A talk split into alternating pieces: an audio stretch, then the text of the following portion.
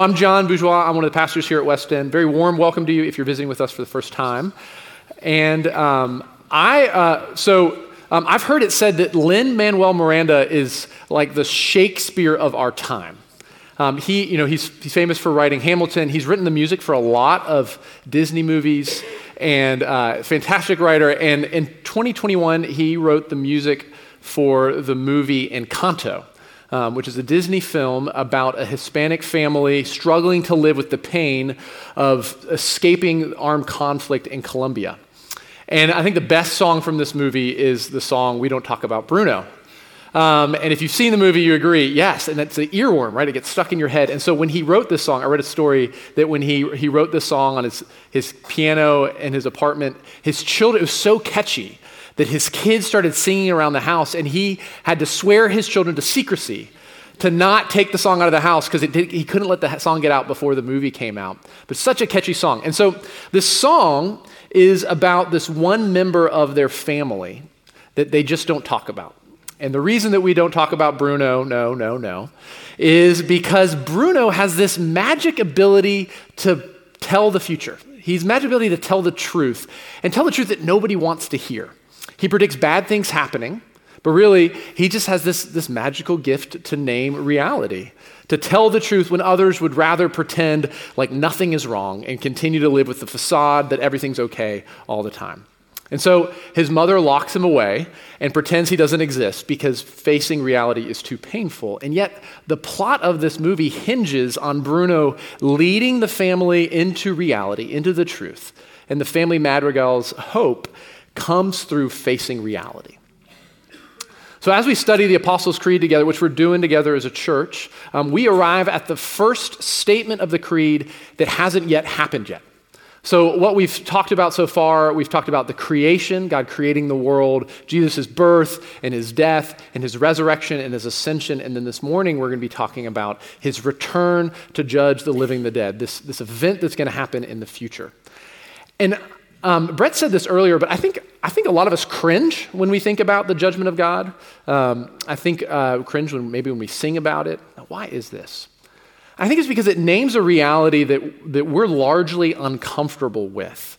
Um, maybe in your experience, this has been dealt poorly with in the church, that when you were taught this at a young age, it was, it was dealt with in a way that, um, that didn't help you, might have actually been hurtful or harmful. Um, also, I don't think we like dealing with it because we just, culturally right now, we just don't want to deal with the idea of judgment. It is not something that's attractive to us. And I think often when we talk about the final judgment, or rather the reason that we don't talk about it, is that it's kind of like Bruno.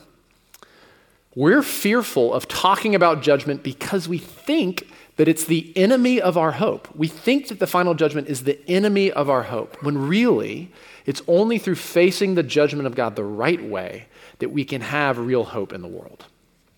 And so this morning, as we look at the Bible together, I want us to see that Jesus' return to judge the living and the dead is actually necessary if we want to live lives of hope and meaning. And so we're going to read a passage, a longer passage this morning from Paul's letter to the Thessalonians. It's a little bit longer, um, but in it, Paul's actually addressing this question that the church was asking What do we do? What is the day of judgment? What do we do with it? And so Paul's actually addressing this in um, this question the church had in the first century. And so, as we look at this together, my outline this morning, we're going to see three things. First, our need for judgment. Second, the problem of judgment. And then third, the gift of judgment. So, first, the need, the problem, and the gift of judgment. I want to invite you now to stand for the reading of God's word. Um, this is printed in your bulletins, it's also on the screens. This is God's word for us this morning. It is trustworthy and it's true, and He gives it to us in love. This is 1 Thessalonians 4, starting in verse 13. But we do not want you to be uninformed, brothers, about those who are asleep, that you may not grieve as others who do not have hope. For since we believe that Jesus died and rose again, even so, through Jesus, God will bring with him those who have fallen asleep. For this we declare to you by a word from the Lord, that we who are alive, who are left until the coming of the Lord, will not precede those who have fallen asleep. For the Lord himself will descend from heaven with a cry of command, with the voice of an archangel, and with the sound of the trumpet of God and the dead in Christ will rise first. Then we who are alive, who are left, will be caught up together with them in the clouds to meet the Lord in the air. And so we will always be with the Lord. Therefore, encourage one another with these words. Now, concerning the, the times and the seasons, brothers, you have no need to have anything written to you. For you yourselves are fully aware that the day of the Lord will come like a thief in the night. While people are saying there is peace and security, then sudden destruction will come upon them as labor pains come upon a pregnant woman, and they will not escape. But you are not in darkness, brothers, for that day to surprise you like a thief. For you are all children of light, children of the day. We are not of the night or of the darkness. So then let us not sleep as others do, but let us keep awake and be sober. For those who sleep, sleep at night, and those who get drunk are drunk at night. But since we belong to the day, let us be sober, having put on the breastplate of faith and love, and for a helmet, the hope of salvation. For God is not destined to us for wrath, but to obtain salvation through our Lord Jesus Christ, who died for us, so that whether we are awake or asleep, we might live with him. Therefore, encourage one another and build one another up, just as you are doing. This is the word of God for the people of God. Thanks be to God. You may be seated. If you'll pray with me. Father in heaven, we thank you. Um, Lord, we thank you that you're here with us. Lord, we thank you for um, the ways already this morning we have seen and celebrated your faithfulness to us in Christ. And so, Lord, we ask now um, as we approach this text and this topic, uh, we confess that we need your help. Lord, we bring so much into this conversation. And um, Lord, we ask that you would speak clearly. Uh, would you show us the truth, um, the truth that ultimately has hope for us in Jesus Christ? I invite you now to take a moment to pray for yourself, to ask the Lord to speak to you from his word this morning.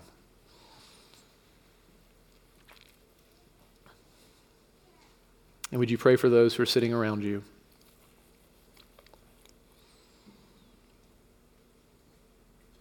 And would you pray for me? We pray all these things in the name of the Father, and the Son, and the Holy Spirit. Amen. So, our need, the need for judgment, the problem of judgment, and the gift of judgment. So, first, our need for judgment. Beginning of chapter 5, verse 2 and 3, Paul says, You are fully aware that the day of the Lord will come.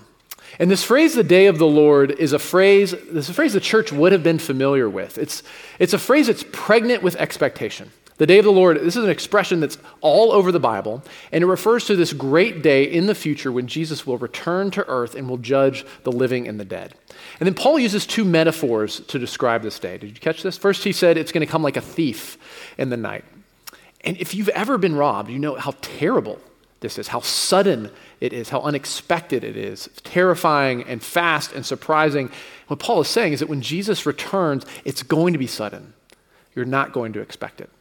And then he uses this other metaphor. He says it's like labor at the end of a pregnancy. So, why does he use this, this metaphor? Um, our kids and our family love hearing the story of their births. This is something that we often tell near their birthdays. And um, our daughter, Mary Landon, was born 10 years ago last week. And so we were telling her story as a family. And uh, Mary Clark's labor pains came on so fast that I had to rush her to the hospital. We lived in downtown Richmond at the time. And so we're driving uh, to the hospital through downtown Richmond, going way too fast. And then all of a sudden, there's a police officer in the street with his hand up because there's a race going on, like a 10K or something that's going on. And so I roll down my window and I lean out and I say, Officer, my wife is in labor. Was, I felt like I was in a movie. It was so cool. Um, and then he looks at me and we make eye contact. And then he blows his whistle and stops the race. And we go through. And we get to the hospital in time, and Mary Landon was born. And it was wonderful. Um, why do I tell that story? Because when labor starts, the end is un- unavoidable. All signs start pointing to the birth of a baby. When labor pains start, there's no going back. The baby's coming. Paul is saying the day of the Lord will be sudden and unexpected like a thief, and at the same time, it's going to be unavoidable and unstoppable like a woman's labor once it's starting. Once it's started. He's saying there's, there's no turning back the clock. The day of the Lord is coming, and you need the judgment of God. Now, why would I say this? Why would I say that you need the judgment of God? Why do you need this? Corey Widmer, who's a pastor in Richmond, he says, We need judgment to leave, to live, we need judgment to live meaningful lives and to have hope. We need a destination to make our journey through this life meaningful. When you take a road trip as a family, what's the first thing out of your kids' mouths five minutes into the trip? Are we there yet? Right? Are we there yet? Are we there yet? And then they fight and, and and pick and nag and ask, Are we there yet? And then what do you say as parents? You say, Not yet, almost, only seven more hours to the beach, kids. Oh, wait, Buc-ee's is only an hour away. You know, thank the Lord for Buc-ee's. Um, what if instead of encouraging your children towards the final destination, you said something like this? You said, actually, we're not going anywhere. We're just driving, and you're stuck in the back seat with your siblings forever. How would that go over in your car, right? We need, there would be absolute bedlam, right? Absolute mayhem would erupt in your minivan because we need a destination to make the journey meaningful. If we want the trip to matter, we need a destination. The first two chapters of the Bible tell us that the world was created for a destination. It tells us that in the beginning, God, Father, Son, and Holy Spirit created the world to flourish. And He created humans in His image and crowned them with glory and honor, and He placed them in the garden of His delight. And this world He made was a world without pain or suffering or death a world without disease or war or poverty or broken relationships, a world without anxiety or shame, without guilt or fear. This is how you were created to live, right? This is why you long for this. This is a picture the Bible gives us of the beginning, of how things were meant to be.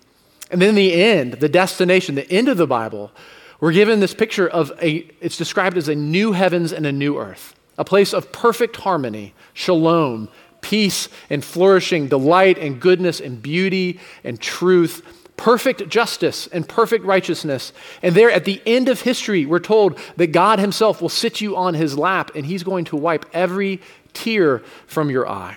Every sadness and pain and guilt and fear and shame, every bump and bruise from this life, suffering and sin will be perfectly healed and restored by the one who sits on the throne and God will be personally present to you in love for all eternity. This is the picture that we're given in the last two chapters of the Bible. That is where human history is headed. But right now, things aren't the way they're supposed to be. We live in a Genesis 3 world. Things aren't the way that they're supposed to be. Something is terribly broken. And if the world is going to be saved, if it's going to be made right, it has to be saved by another. And when we recite the creed, when we confess the creed, we confess that we are waiting for the one, the one who's going to come to make all things right. This is what Paul's saying in chapter 4, verses 15 to 17. Look at your Bibles with me.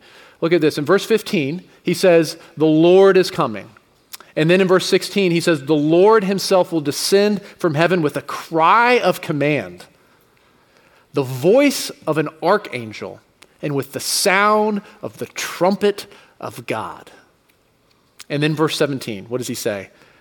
Then we who are alive, who are left, will be caught up together with them in the clouds to meet the Lord in the air, and so we will always be with the Lord. Now, some of you may have been taught that this is describing something called the rapture, but that's not what's going on here. Here's what's going on. The meaning of this Greek word, uh, meeting, the word, the word meeting, meeting the Lord, is a word that refers to a particular type of meeting. And the image that Paul is giving us here is drawn from an ancient tradition, and the picture is a parade of triumph. When a conquering king would enter, when he would return home from battle and enter into his home city, he would return in this, this triumphal procession. And then the people from the city would run out and get in the parade and parade in with the king in triumph to the city. The victory parade. That's what Paul is talking about here. That when King Jesus returns to judge heaven and earth, when he comes to judge the living and the dead, to bring heaven to earth, the dead in Christ will rise first. They will join him in his triumphant procession. And then those who are in Christ, who are still alive, they will join him as well. It's not describing a rapture, it's describing the King of heaven returning to earth. This is saying Jesus is coming back. He is victorious, and he is going to make all things right, and he's going to judge. And if God is going to be worthy of your worship, he has to be a judge. Why?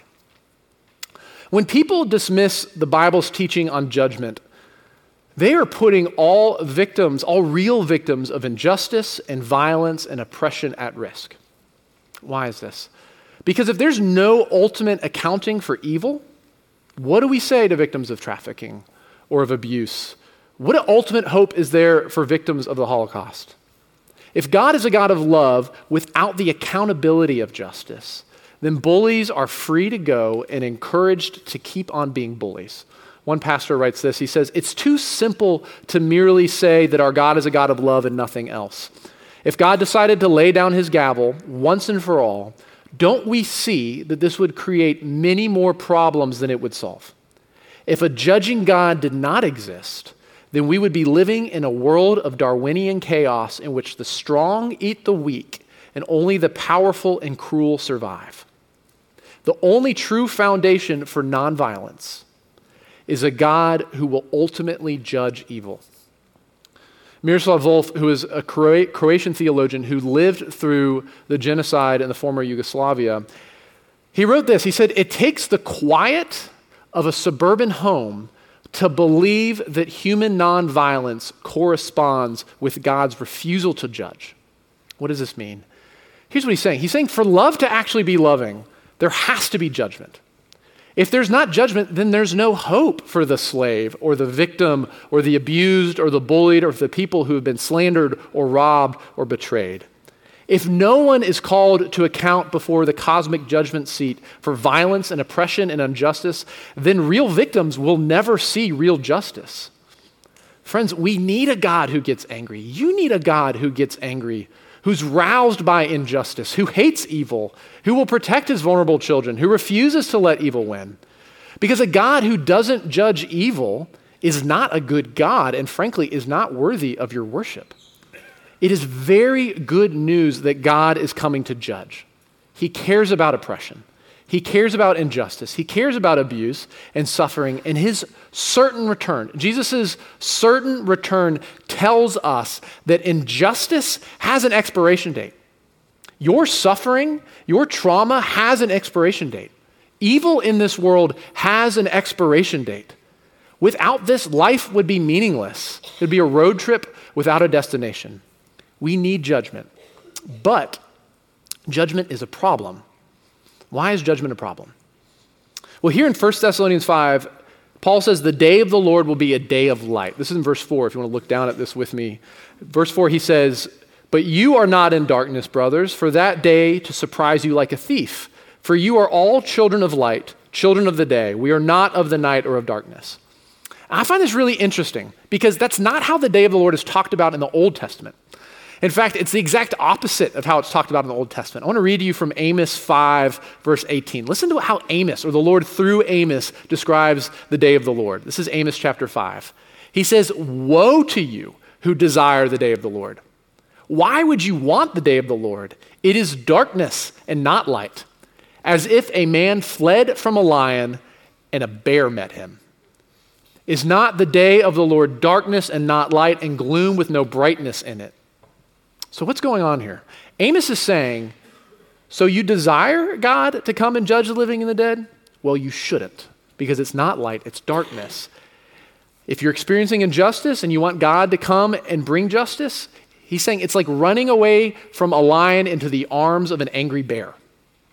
So, how is it that Amos and Paul can be describing the same day? Paul says it's light, Amos says it's darkness. Paul says we should welcome that day. Amos says we should fear it. Amos is telling us that the day of judgment is a problem for all of us. Why? Because the reality of evil, that evil is not just out there, but that it's in here and it's in here. It's in each of us. All of us are tainted, all of us are infected. In Matthew 7, um, in the Sermon on the Mount, Jesus is talking about judgment, and he says this He says, Judge not lest you be judged. For with the judgment you pronounce, you will be judged. And with the measure you use, it'll be measured to you. With the measure you use, it will be measured to you.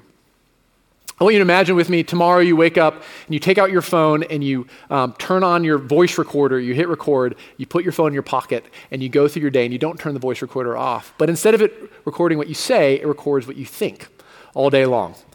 Um, and every judgment you pronounce on another person, Jesus is saying that's how you'll be judged. Every time you critique someone, every time you judge someone's pride, every time you thought you were better than someone else, or um, you, your behavior was better than them, anytime you were angered at somebody's thoughtlessness, or you dismissed somebody because you felt they were beneath you. Jesus is saying, whatever rubric you are using, whatever measurement you are using to judge others, that's going to be the standard for your judgment. So, how would you hold up? How would you hold up under your own justice system? I would fail miserably. And now consider the law of God. The, the, the chapter before this, in Matthew 6, Jesus says the judgment of God isn't just about your actions, but it's about your heart as well.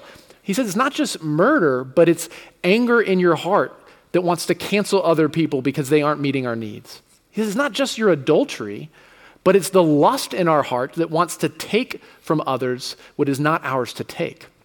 Psalm or Proverbs 21 verse 2 says, "Every way of a man is right in his own eyes, but the Lord weighs the heart." The judgment of God is a problem for all of us. It's a sobering reminder that how we live actually matters. The Russian, Russian author Dostoevsky wrote that if there is not God, everything is permitted. If there is no God, everything is permitted. If God doesn't exist, then I can treat people however I want, because if there's no God, there's no judgment, there's no accountability. In Matthew 25, Jesus um, gives us a picture of Judgment Day. He says that when he returns in glory with the army of angels with him, he's going to sit on his glorious throne, and before him, he's going to gather all the nations of the world and he's going to separate the people from one another, he says, as a shepherd separates sheep from goats. And when each of us approach the great white throne of judgment, Jesus says he will divide us, the righteous into eternal life, and the wicked into eternal death. Friends, knowing what's in my heart, knowing what's in all of our hearts, judgment is a personal problem. It's an existential threat. We need justice. We need judgment. We need judgment because of the great injustice in the world. A God who refuses to judge evil is not worthy of our worship. But judgment is a problem because of the evil in our own hearts. The day of the Lord is a day of darkness, not because of who God is, but because of who I am. But there is a gift in the judgment of God, and that gift comes to us in Jesus. Tim Keller said, If there is no day of judgment to account for all the wrongs of the world that people have gotten away with, what hope is there for the world? But if there is a day of judgment, what hope is there for me? And Jesus is the answer to both of these questions. So, how can Paul completely invert Amos's words and say, no, it's not a day of darkness for Christians, it's actually a day of light? He can do this because of the identity of the judge. Look what Paul says in chapter 5, verse 9. Look what he says in verse 9. He says, For God has not destined us for wrath, but to obtain salvation through our Lord Jesus Christ, who died for us, so that whether we are awake or asleep, we might live with him. Therefore, encourage one another and build one another up, just as you're doing. Here's what Paul's saying He's saying that the one who comes as judged is the one who was judged in our place. For Jesus, Judgment Day has already happened on the cross. So now we are waiting to meet the one who has already been judged in our place. See, on the cross, Jesus took the darkness that Amos talked about the darkness he prophesied about, Jesus took that darkness into himself and onto himself so that those who trust in him, those who collapse into Jesus, the day of judgment will not be darkness, it'll be light. And if we don't understand the judgment that happened on the cross, then we don't understand the cross. If we don't understand the depths of God's judgment on sin, then we don't understand the depths of the cross and its implications. See, Jesus went to the cross with abandon in pursuit of bearing our sins, taking our sins, taking the wrath that they deserve, to take our darkness, to make us children of light, all in the name of love.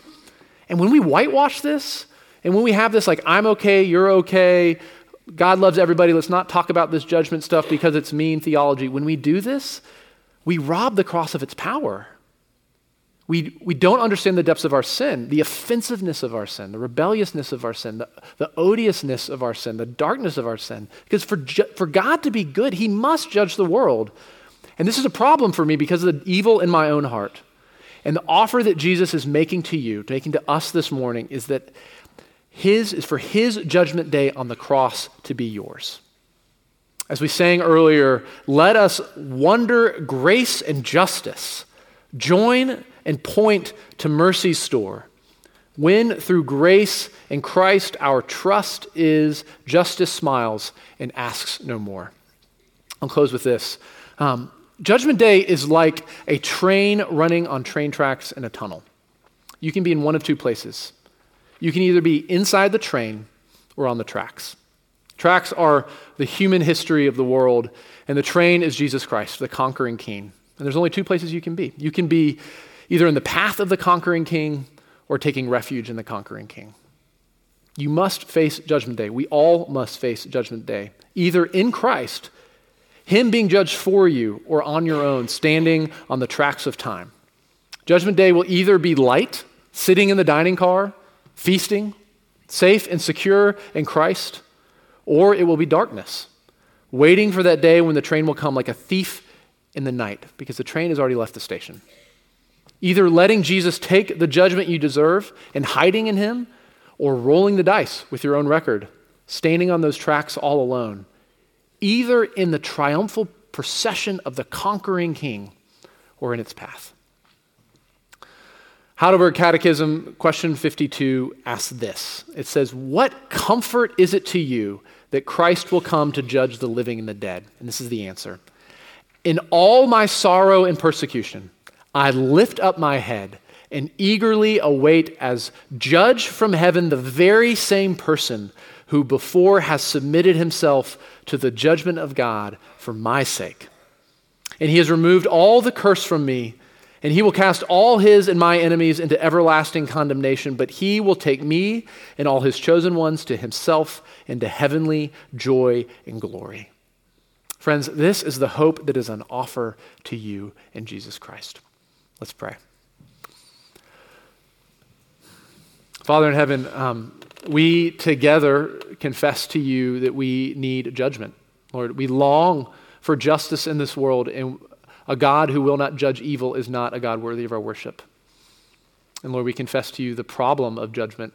Lord, that we, uh, we know ourselves. Um, Lord, we know that evil resides in us, and there's no help in us. But Lord, we praise you for the gift of judgment that comes to us in Christ. Lord, that he, our judge, has stayed, has stood in our place that we might be hidden in him. Lord, would you give us faith to believe this? Lord, to fill our hearts and minds with the hope of the gospel that our Lord Jesus, the conquering King, has first conquered us. We pray in his name. Amen.